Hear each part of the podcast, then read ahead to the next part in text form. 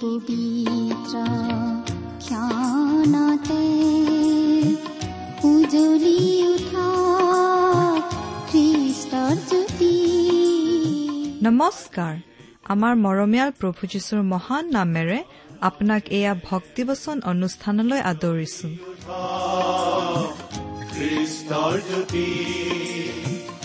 আকাশ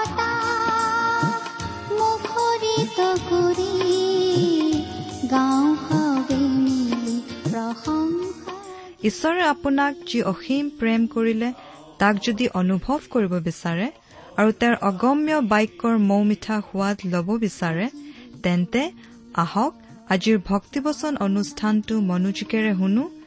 এয়া আপোনালৈ আগবঢ়াইছো ঈশ্বৰৰ জীৱন্ত বাক্যৰ অনুষ্ঠান ভক্তিবচন।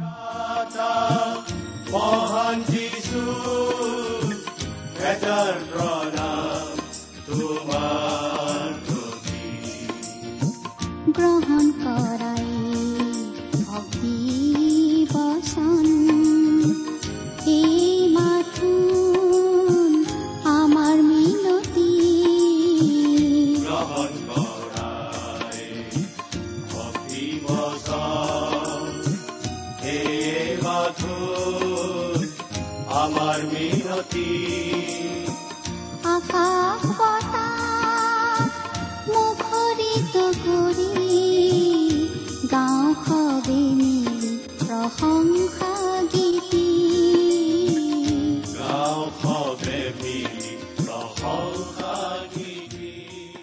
আমাৰ মহান পৰিত্ৰতা প্ৰভু যীশুখ্ৰীষ্টৰ নামত। নমস্কাৰ প্ৰিয় শ্ৰোতা। আপোনাৰ ভালনে বাৰু? আশা কৰোঁ আমাৰ পৰম পবিত্ৰ পিতা পৰমেশ্বৰৰ মহান অনুগ্ৰহত আপুনি ভালে কুশলে আছে। আচলতে আমি যে জীয়াই আছো বিভিন্ন বিপদ বিঘিনি দুৰ্যোগ দুখ সময়ৰ এই পৃথিৱীত এই জীৱনৰ প্ৰতিটো দিন প্ৰতিটো ক্ষণ ঈশ্বৰৰ মহান অনুগ্ৰহৰ দান। এই কথাবোৰো আপুনি কেতিয়াবা চিন্তা কৰি চাইছেনে? ঈশ্বৰে আমাক জীয়াই থাকিবলৈ দিছে যাতে আমি ঈশ্বৰক চিনি পাই ঈশ্বৰৰ আজ্ঞামতে চলি দিনে দিনে অধিক ভাল হ'ব পাৰোঁ আৰু আন মানুহৰ মংগলৰ বাবে কাম কৰি যাব পাৰোঁ। আমাৰ এই ভক্তিবচন অনুষ্ঠানো শ্ৰোতাসকলৰ মংগলৰ বাবেই। এই অনুষ্ঠান শুনি আপুনি বাৰু কিবা প্ৰকাৰে উপকৃত হৈছেনে? অনুগ্ৰহ কৰি আমালৈ চিঠি লিখি জনাবচোন। এখন পোষ্ট কাৰ্ডত দুষাৰিমান লিখি পঠিয়াবলৈ সময় উলিয়াবচোন। আমাৰ ঠিকনা? ভক্তিবচন টি ডব্লিউ আৰ ইণ্ডিয়া ডাক বাকচ নম্বৰ সাত শূন্য গুৱাহাটী সাত আঠ এক শূন্য শূন্য এক। ভক্তিবচন T W R India post box number seventy Guwahati seven eight one zero' zero' one. আমাৰ website W W W dot radio' eight eight two dot com প্ৰিয় শ্ৰোতা আমি আজি কিছুদিনৰ পৰা বাইবেলৰ নতুন নিয়ম খণ্ডৰ জোহনৰ প্ৰথম পত্ৰ বা চমুকৈ প্ৰথম জোহন নামৰ পুস্তকখন অধ্যয়ন কৰি আছো। নহয়নে বাৰু? যোৱা অনুষ্ঠানত আমি এই প্ৰথম জোহন পুস্তকৰ প্ৰথম অধ্যায়ৰ সাত নম্বৰ পদলৈকে পঢ়ি আমাৰ আলোচনা আগবঢ়াইছিলো। আজিৰ অনুষ্ঠানত আমি আঠ নম্বৰ পদৰ পৰা অধ্যয়ন আৰম্ভ কৰিম। আহকচোন প্ৰাৰ্থনাৰে আজিৰ বাইবেল অধ্যয়ন আৰম্ভ কৰোঁ হওক। আমি প্ৰাৰ্থনা কৰোঁ। স্বৰ্গত থকা অসীম দয়ালু পিতৃ ঈশ্বৰ তোমাক ধন্যবাদ দিওঁ কাৰণ তোমাৰ বাক্য অধ্যয়ন কৰিবলৈ তুমি আমাক আকৌ এটা সুযোগ দিলা। প্ৰাৰ্থনা কৰিছো প্ৰভু তোমাৰ বাক্য বুজিবলৈ আমাক সহায় কৰা। এই অনুষ্ঠান শুনি থকা প্ৰতিজন শ্ৰোতাৰ আগত তুমি নিজকে প্ৰকাশ কৰা। আমাৰ প্ৰতিজনৰ প্ৰয়োজন অনুসাৰে তুমি কথা কোৱা যাতে আমি তোমাৰ মাত স্পষ্টভাৱে শুনিবলৈ পাওঁ। অনুষ্ঠানৰ আৰম্ভণিৰ পৰা শেষলৈকে তুমি আমাৰ লগত থাকি এই অনুষ্ঠান তুমিয়েই পৰিচালনা কৰা। কিয়নো এই প্ৰাৰ্থনা আমাৰ মহান ত্ৰাণকৰ্তা প্ৰিয় প্ৰভু যীশুৰ নামত আগবঢ়ালো। আহমেদ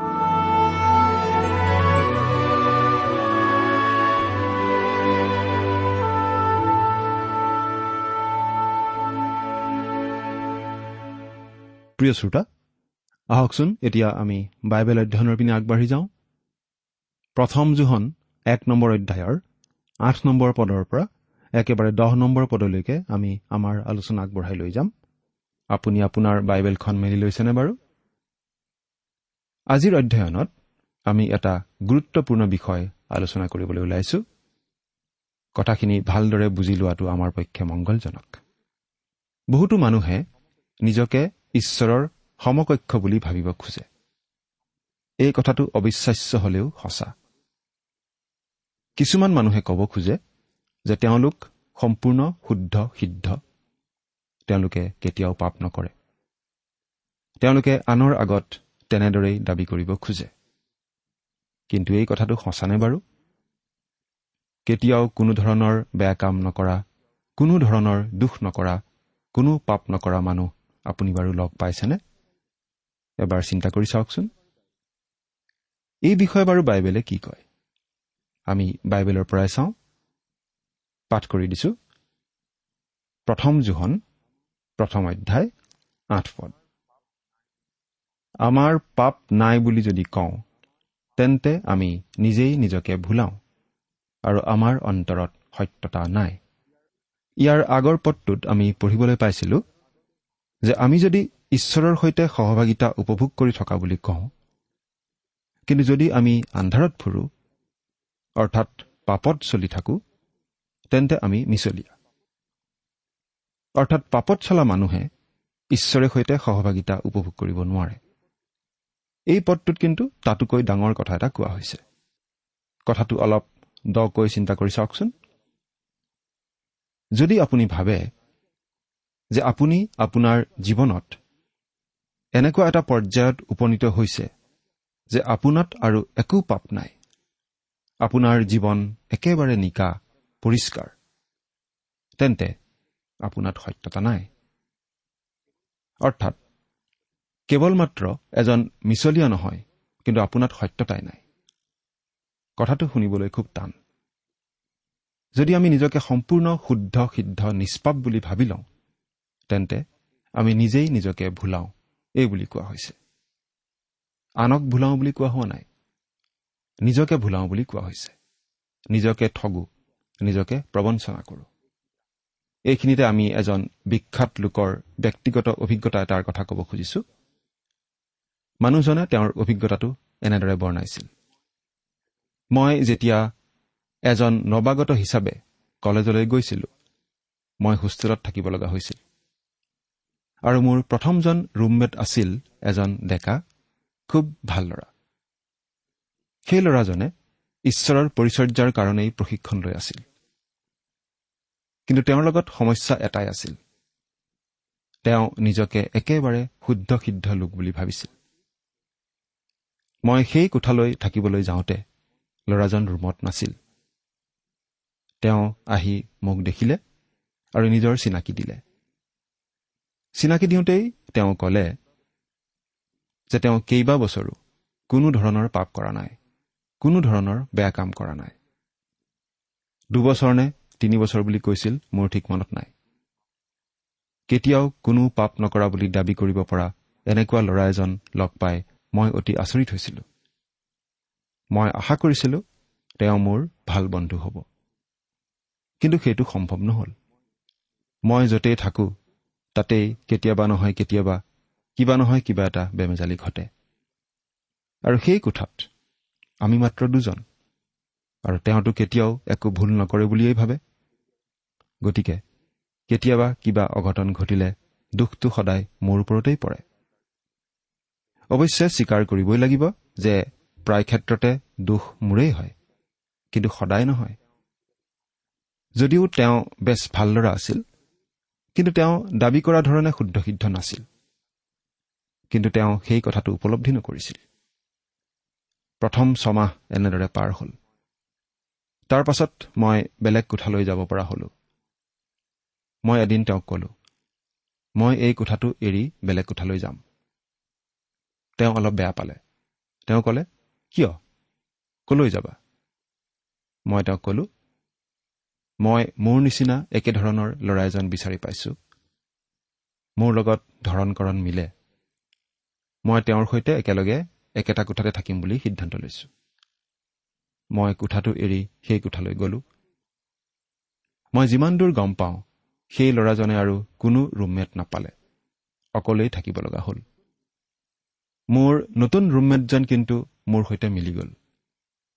আমি খুব ভাল বন্ধু হলো। আমাৰ সময়বোৰ খুব আনন্দেৰে পাৰ হ'ল। এতিয়া বুঢ়া বয়সতো প্ৰায়েই মই তেওঁক দেখা কৰিবলৈ যাওঁ। এতিয়াও ইজনে সিজনক লগ পালে ভাল পাওঁ। আমি দুয়োজনেই শুদ্ধ সিদ্ধ নহয় আৰু তেনে দাবীও নকৰোঁ। অৱশ্যে ডেকা অৱস্থাতকৈ আমি এতিয়া বহুত উন্নত হলো বুলি ক'ব লাগিব। প্ৰিয় শ্ৰোতা কোনো মানুহে যদি নিজকে সম্পূৰ্ণ শুদ্ধ সিদ্ধ অৱস্থাৰ লোক বুলি ভাবে তেনেহলে সেই মানুহৰ পত্নীগৰাকীৰ কথা ভাবি আমাৰ পুতৌ হয়। কাৰণ নিজকে সম্পূৰ্ণ শুদ্ধ সিদ্ধ বুলি ভবা লোকৰ সৈতে একেলগে বাস কৰিব লগা হোৱাটো খুব কঠিন আৰু যন্ত্ৰণাদায়ক কথা। আমি মনত ৰখা উচিত। আমি যদি আমাৰ পাপ নাই বুলি কওঁ তেন্তে আমাত সত্যতা নাই। আমি নিজেই নিজকে ভুলাওঁ। আমি কেতিয়াও ঈশ্বৰৰ সমকক্ষ হ'ব নোৱাৰো। এই জীৱনকালত আমি সম্পূৰ্ণ সিদ্ধতা কেতিয়াও লাভ কৰিব নোৱাৰো। এই বিষয়ে এজন বিখ্যাত লোকে আন এটা অভিজ্ঞতাৰ কথা এনেদৰে বৰ্ণাইছিল। মই এখন ঠাইলৈ নতুনকৈ আহিছিলো আৰু তাতে এজন মানুহক লগ পালো। তেওঁ এখন জেলত চেপ্লেইন ৰূপে কিছুদিন কাম কৰিছিল। তেওঁ খুব উৎসাহী ভাল খ্ৰীষ্টীয় বিশ্বাসী আছিল। এদিন তেওঁ মোক ৰাস্তাত লগ পাই ক'লে ভাই এটা কথা তোমাক ক'ব খুজিছো। যোৱা ৰাতি মই পবিত্ৰীকৃত হলো। মই সুধিলো হয় নেকি? কি ঘটিছিলনো? তেওঁ ক'লে যে তেওঁ এনেকুৱা এটা অৱস্থাত উপনীত হ'ল যে তেওঁ আৰু কেতিয়াও পাপ নকৰে। তাৰ পাছত কিছুদিন মই তেওঁক লগ পোৱা নাছিলো। কিন্তু মই কাম কৰা গীৰ্জাৰ এজন বিষয়া সেই মানুহজনৰ ঘৰৰ কাষতে বাস কৰে। এদিন কিবা এটা সাধাৰণ কথাতেই সেই মানুহজনে মোৰ গীৰ্জাৰ বিষয়াজনক খঙতে বেয়াকৈ ক'লে। কথাটো শুনি মই সেই মানুহজনৰ ওচৰ পালোগৈ। মই তেওঁক পোনে পোনে সুধিলো আপুনি পবিত্ৰীকৃত হোৱা বুলি মোৰ আগত দাবী কৰা নাছিল জানো? নিশ্চয় কৰিছিলো তেওঁ উত্তৰ দিলে। আৰু পবিত্ৰীকৃত হৈ আপুনি একেবাৰে নিষ্পাপ পবিত্ৰ অৱস্থা এটা কেতিয়াও পাপ নকৰা অৱস্থা এটা লাভ কৰা বুলি কোৱা নাছিল জানো? নিশ্চয় কৈছিলো। মই এতিয়াও কওঁ মই তেনেকুৱা এটা অৱস্থা লাভ কৰিছো তেওঁ আকৌ ক'লে। এৰা কিন্তু আপোনাৰ চুবুৰীয়া লোকজন মোৰ মণ্ডলীৰ সদস্য। আপুনি জানো তেওঁক খঙতে বেয়া ব্যৱহাৰ কৰা নাই? মোৰ কথা শুনি মানুহজনে অলপ সেমেনা সেমেনি কৰিলে। তেওঁ ক'লে মই অলপ খং কৰিলো কিন্তু সেইটো জানো পাপ? যদি পাপ নহয় তেন্তে কি? মই সুধিলো। মই অলপ ভুল কৰিলো। সেই কথাটো মই মানি লৈছো। মোৰ খং উঠা উচিত নাছিল। গতিকে সেইটো পাপ নহয় তেওঁ ক'লে। মই ক'লো এৰা এতিয়া আপুনি মোৰ সৈতে হাত মিলাব পাৰে কাৰণ ময়ো আপোনাৰ নিচিনাই। ময়ো পাপ নকৰো কেৱল ভুলহে কৰোঁ। অৱশ্যে মই অজস্ৰ ভুল কৰোঁ। কিন্তু ভাই ঈশ্বৰৰ বাক্যই আমাক কি শিকাই জানেনে? চুবুৰীয়াক খং কৰি বেয়াকৈ কোৱাটোও পাপ। মোৰ কথা শুনি তেওঁ নিমাত হ'ল। প্ৰিয় শ্ৰোতা আমাৰ পাপ নাই বুলি কৈ আমি কাক ঠগো? আমি নিজেই নিজকে ঠগো। কেৱল নিজকহে প্ৰবঞ্চনা কৰোঁ। আমি ঈশ্বৰক ঠগিব নোৱাৰো। আমি আমাৰ ওচৰ চুবুৰীয়াকো ঠগিব নোৱাৰো। কাৰণ তেওঁলোকেতো আমাক হাড়ে হিমজুৱে চিনি পায়। কিন্তু আমি নিজেই নিজকে ঠগো। আৰু ইয়াত পাচনি জোহনে অতি স্পষ্টভাৱে জনাই দিছে যে যি মানুহে নিজৰ জীৱনত একো পাপ নাই বুলি কয় যি মানুহে নিজকে সম্পূৰ্ণ শুদ্ধ সিদ্ধ বুলি ভাবে সেই মানুহত সত্যতা নাই। কিন্তু বহুতো মানুহে নিজকে সম্পূৰ্ণ শুদ্ধ সিদ্ধ কৰি নিজকে ঈশ্বৰৰ আগত গ্ৰহণীয় ৰূপত থিয় কৰাবলৈ নিজেই চেষ্টা কৰি থাকে। নিজকে ঈশ্বৰৰ নিচিনা পবিত্ৰ কৰিবলৈ চেষ্টা কৰি থাকে। আৰু এইটো অসম্ভৱ কথা। এতিয়া কথা হ'ল ঈশ্বৰ সম্পূৰ্ণ পবিত্ৰ। তেওঁক আমি আমাৰ পৰ্যায়লৈ নমাই আনিব নোৱাৰো। আনহাতে আমিও ঈশ্বৰৰ সমান পবিত্ৰ হ'ব নোৱাৰো। তেন্তে উপায়?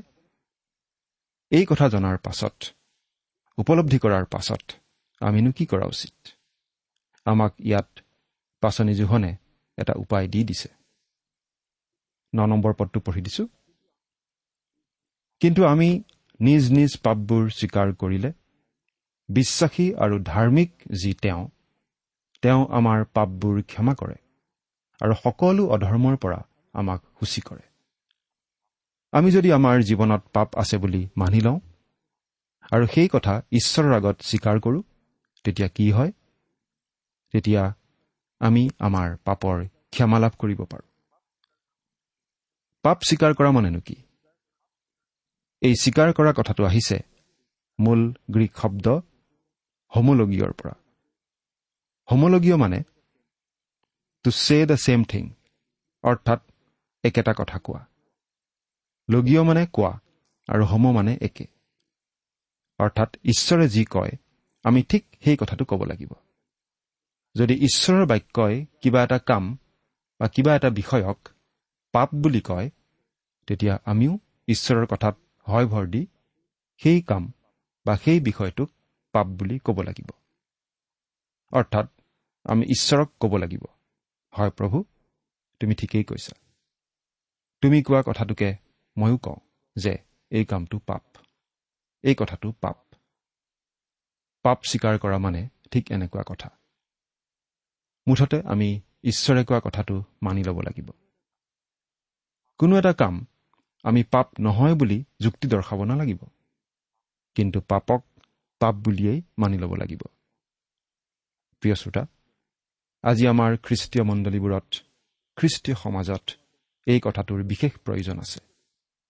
আমাৰ ব্যক্তিগত জীৱনতো এই কথাটোৰ বিশেষ প্ৰয়োজন আছে।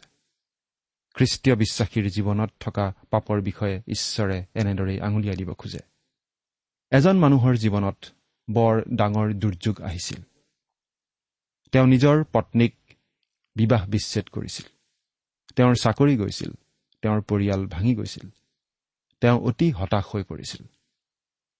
তেওঁ আহি ঈশ্বৰৰ পৰিচৰ্যাকাৰীৰ আগত দুখ কৰি কৈছিল মই ঈশ্বৰৰ সেৱা কৰিব বিচাৰিছিলো কিন্তু মই বিফল হলো। মই একেবাৰে অসফল অকৃতকাৰ্য লোক। তেতিয়া সেই পৰিচৰ্যাকাৰী লোকজনে তেওঁক অতি খোলাখুলিকৈ ক'লে আপুনি মোৰ আগত পেন পেনাই কান্দি লাভ নাই। ঈশ্বৰৰ আগত এই কথা কওক। আপুনি তেওঁৰ কাষ চপাটো তেওঁ বিচাৰে। ঈশ্বৰৰ আগত আপুনি স্বীকাৰ কৰক যে আপুনি বিফল হৈছে আপুনি ভুল কৰিছে। এইবুলি তেওঁক কওক। ঈশ্বৰে যিবোৰ কথাক পাপ বুলি কয় সেইবোৰ আপুনিও পাপ বুলি মানি লোৱা বুলি ঈশ্বৰক কওক। তেওঁৰ সহায় বিচাৰক। তেওঁ আপোনাৰ পিতৃ। আপুনি খ্ৰীষ্টীয় বিশ্বাসী হিচাপে ঈশ্বৰৰ পৰিয়ালৰ লোক। আপুনি ঈশ্বৰৰ সহভাগিতাহে হেৰুৱাইছে। কিন্তু সেই সহভাগিতা আকৌ আপুনি লাভ কৰিব উপভোগ কৰিব পাৰে। আপুনি আপোনাৰ পাপ স্বীকাৰ কৰিলে তেওঁ অতি বিশ্বাসী তেওঁ ধাৰ্মিক তেওঁ আপোনাৰ সকলো পাপ ক্ষমা কৰিব। আমি আমাৰ পাপ স্বীকাৰ কৰিলে ঈশ্বৰে কি কৰে? তেওঁ আমাক ধুই পৰিষ্কাৰ কৰে। আমি বাইবেলত পাই অহা বিভিন্ন দৃষ্টান্তৰ ভিতৰত। অপব্যয়ী পুত্ৰৰ দৃষ্টান্তটো বেছিকৈ মনত পেলাই আহিছো। আশা কৰোঁ সেই দৃষ্টান্তটো আপোনাৰ মনত আছে। সেই অপব্যয় পুত্ৰই নিজৰ দুখ বুজি পাই অনুতাপ কৰি আকৌ নিজৰ পিতৃৰ ওচৰলৈ উভতি আহিছিল। কিন্তু উভতি অহা সময়ত সেই অপব্যয় পুত্ৰ অতি লেতেৰা অৱস্থাত উভতি আহিছিল। গাহৰিৰ নিচিনা গোন্ধাই আহিছিল। তেওঁৰ সেই লেতেৰা শৰীৰটোতে পিতাকে নতুন কাপোৰ পিন্ধাই দিছিল বুলি আপুনি ভাবেনে? নাই নিশ্চয় তেনে কৰা নাছিল। প্ৰথমতে পুতেকক ধুই পখালি চাফ চিকুণ কৰি ভালদৰে গাত সুগন্ধি দ্ৰব্য আদি দিহে নিশ্চয় নতুন পোছাক পিন্ধাই দিছিল। সেইদৰে নতুন পোছাক পিন্ধা পুতেকে আকৌ বাৰু এসপ্তাহমান পাছত পিতাকক কৈছিল নেকি? সেইদৰে নতুন পোছাক পিন্ধা পুতেকে বাৰু আকৌ এসপ্তাহমানৰ পাছত পিতাকক কৈছিল নেকি? দেউতা মই আকৌ দূৰ দেশলৈ যাওঁগৈ আকৌ গাহৰিৰ গঁড়ালত থাকোগৈ কৈছিলনে বাৰু তেনেকৈ? চিন্তা কৰি চাওকচোন। নিশ্চয় কোৱা নাছিল নহয় জানো? প্ৰিয় শ্ৰোতা আমি পাপ স্বীকাৰ কৰা মানে সেই পাপ পৰিত্যাগ কৰাটোও বুজায়। আকৌ কৈছো আমি পাপ স্বীকাৰ কৰা মানে সেই পাপ পৰিত্যাগ কৰাটো বুজায়। ঈশ্বৰে যিহক পাপ বুলি কয় আমিও তাকেই পাপ বুলি কোৱাটো বুজায়। এৰা পাপৰ ক্ষেত্ৰত ঈশ্বৰৰ সৈতে আমি একমত হোৱাটোক বুজায়। অতি জঘন্য অতি ভয়ানক বস্তু। ঈশ্বৰে পাপক ঘীন কৰে। আৰু সেইবাবে আমিও পাপক ঘীন কৰিবলৈ জানিব লাগিব আমিও পাপক ঘীন কৰিবলৈ শিকিব লাগিব। কিন্তু আমি যেতিয়া পাপ স্বীকাৰ কৰোঁ পিতৃ ঈশ্বৰে আমাক ধুই নিকা কৰে। কিহেৰে? যীশুৰ তেজেৰে। যীশুৰ তেজেৰে আমাক ধুই সূচী কৰে আৰু আমাক আকৌ আঁকোৱালি লয়। আৰু তাৰ পিছত ঈশ্বৰে সৈতে আমাৰ সহভাগিতা আকৌ স্থাপিত হয়। প্ৰিয় শ্ৰোতা এইখিনিতে আৰু এটা কথা আমি মনত ৰখা উচিত। ঈশ্বৰ বিশ্বাসী আৰু ধাৰ্মিক। তাৰমানে বাৰু কি? তাৰমানে ঈশ্বৰে বিশ্বাসঘাতকতা নকৰে। ঈশ্বৰে প্ৰতিজ্ঞা ভংগ কেতিয়াও নকৰে। ঈশ্বৰে যি কথা কৈছে সেই কথা পালন কৰিবই আখৰে আখৰে। গতিকে ঈশ্বৰে যদি আমাক ক্ষমা কৰিম বুলি কৈছে তেতিয়াহ'লে তেওঁ আমাক ক্ষমা কৰিবই। আমি এই কথাও মনত ৰখা উচিত যে ঈশ্বৰেই প্ৰকৃত ধাৰ্মিক। তেওঁহে একমাত্ৰ ধাৰ্মিক প্ৰকৃত অৰ্থত। তেওঁত আন্ধাৰ এফেৰিও নাই। ঈশ্বৰ মানুহ নহয় যে কিবা মিছা কথা ক'ব। ঈশ্বৰ মানুহ নহয় যে আজি কিবা এটা কথা কৈ কালি সেই কথা সলনি কৰিব। নাই ঈশ্বৰ তেনেকুৱা নহয়। তেওঁ যি কৈছে সেই কথা আখৰে আখৰে পালন কৰিবই। এতিয়া দহ নম্বৰ পদটো চাওঁ। ইয়াত এনেদৰে লিখা আছে আমি পাপ কৰা নাই বুলি যদি কওঁ তেন্তে তেওঁক মিছলীয়া পাতো। আৰু আমাৰ অন্তৰত তেওঁৰ বাক্য নাই। এৰা আমি যদি আমাত পাপ নাই বুলি কওঁ তেনেহলে আমি ঈশ্বৰক মিছলীয়া বুলি কোৱাৰ নিচিনা হয়। কিয়? কাৰণ ঈশ্বৰে কৈছে যে আমাত পাপ আছে। আমি কোনো মানুহেই সম্পূৰ্ণ শুদ্ধ সিদ্ধ পবিত্ৰ নহয়। গতিকে আমি যদি আমাৰ গাত কোনো পাপ নথকা বুলি কওঁ তেনেহলে আমি ঈশ্বৰৰ কথা মিছা বুলি কোৱাৰ নিচিনা হয়। অৰ্থাৎ আমি ঈশ্বৰক মিছলীয়া বুলি কোৱাৰ নিচিনা হয়। গতিকে আমি আমাত পাপ নাই বুলি কোৱাটোও এটা পাপ। ঈশ্বৰক মিছলীয়া বুলি কোৱাটো জানো পাপ নহয়? চিন্তা কৰি চাওকচোন। প্ৰিয় শ্ৰোতা আমি ঈশ্বৰৰ আগলৈ যাব লাগে আৰু তেওঁৰ লগত খোলা খুলিকৈ কথা ক'ব লাগে।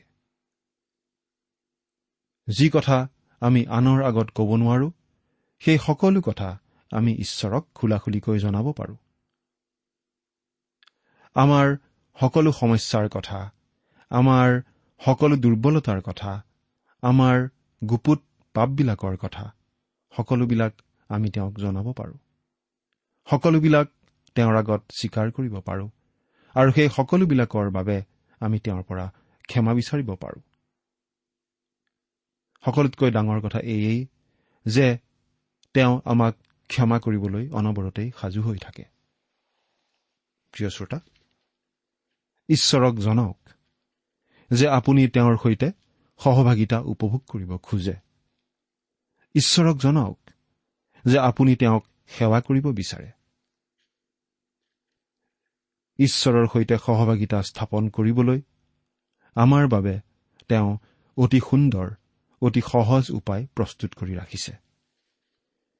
প্ৰভু যীশুখ্ৰীষ্টৰ যোগেদি আমি আমাৰ সকলো পাপৰ ক্ষমা লাভ কৰিব পাৰোঁ। প্ৰভু যীশুখ্ৰীষ্টক ত্ৰাণকৰ্তা বুলি গ্ৰহণ কৰি পৰিত্ৰাণ লাভ কৰাৰ পাছতো আমি আমাৰ জীৱনৰ সকলোবিলাক পাপৰ ক্ষমা বিচাৰি ঈশ্বৰৰ আগত সকলো স্বীকাৰ কৰি তেওঁৰে সৈতে সহভাগিতা উপভোগ কৰি থকা উচিত। আপুনি বাৰু ঈশ্বৰে সৈতে সহভাগিতা উপভোগ কৰি আছেনে? আপুনি বাৰু ঈশ্বৰৰ আগত খোলা মনেৰে মুকলি মনেৰে প্ৰাৰ্থনা কৰিব পাৰেনে? আপোনাৰ প্ৰাৰ্থনা ঈশ্বৰে শুনিছে বুলি আপোনাৰ অন্তৰত বিশ্বাস হয়নে? চিন্তা কৰি চাওকচোন। আপোনাৰ জীৱনত থকা সকলো দুখ দুৰ্বলতাৰ কথা ঈশ্বৰৰ আগত আপুনি উদঙাই দেখুৱাইছেনে? তাৰ বাবে ক্ষমা বিচাৰিছেনে? চিন্তা কৰি চাওকচোন। ঈশ্বৰে আপোনাক আশীৰ্বাদ কৰক। আমেন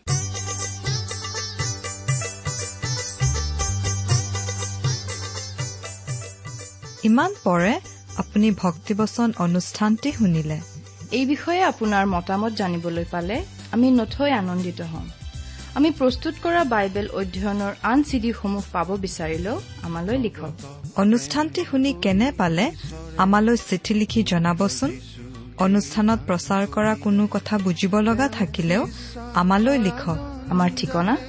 ভক্তিবচন ট্ৰান্স ৱৰ্ল্ড ৰেডিঅ' ইণ্ডিয়া। ডাক বাকচ নম্বৰ সাত শূন্য গুৱাহাটী সাত আঠ এক শূন্য শূন্য এক। ঠিকনাটো আৰু এবাৰ কৈছো। ভক্তিবচন ট্ৰান্স ৱৰ্ল্ড ৰেডিঅ' ইণ্ডিয়া। ডাক বাকচ নম্বৰ সাত শূন্য গুৱাহাটী সাত আঠ এক শূন্য শূন্য এক। আমাৰ ইমেইল এড্ৰেছটো হৈছে S M T T B at the rate radio' eight eight two dot com আমাৰ website W W W dot T W R dot in আপুনি টেলিফোনৰ মাধ্যমেৰেও আমাক যোগাযোগ কৰিব পাৰে আমাৰ টেলিফোন নম্বৰটো হৈছে শূন্য তিনি ছয় এক দুই ছয় শূন্য চাৰি ছয় সাত এক ফোন নম্বৰটো আকৌ এবাৰ কৈছো zero' three six one two six zero' four six seven one আজিৰ অনুষ্ঠানটি ইমানতে সামৰিছো। ঈশ্বৰৰ শান্তি আৰু অনুগ্ৰহ আপোনাৰ লগত থাকক। ধন্যবাদ।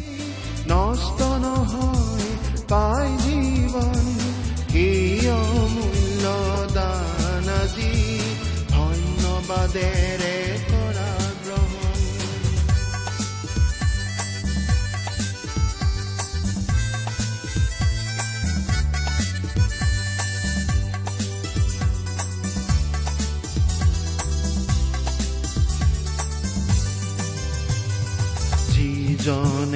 তেওঁৰ বাক্য শুনি বিশ্বাস মাথো তেওঁতে কৰে।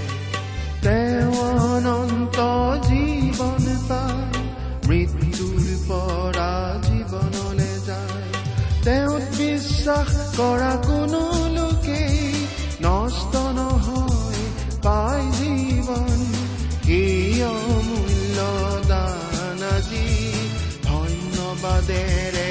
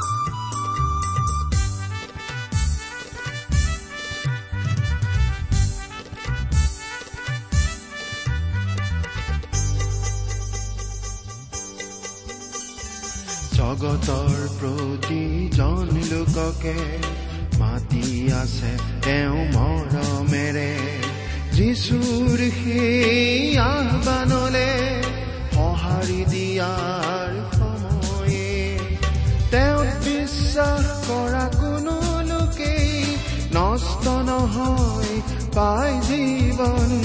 সেই অমূল্য দান আজি ধন্যবাদেৰে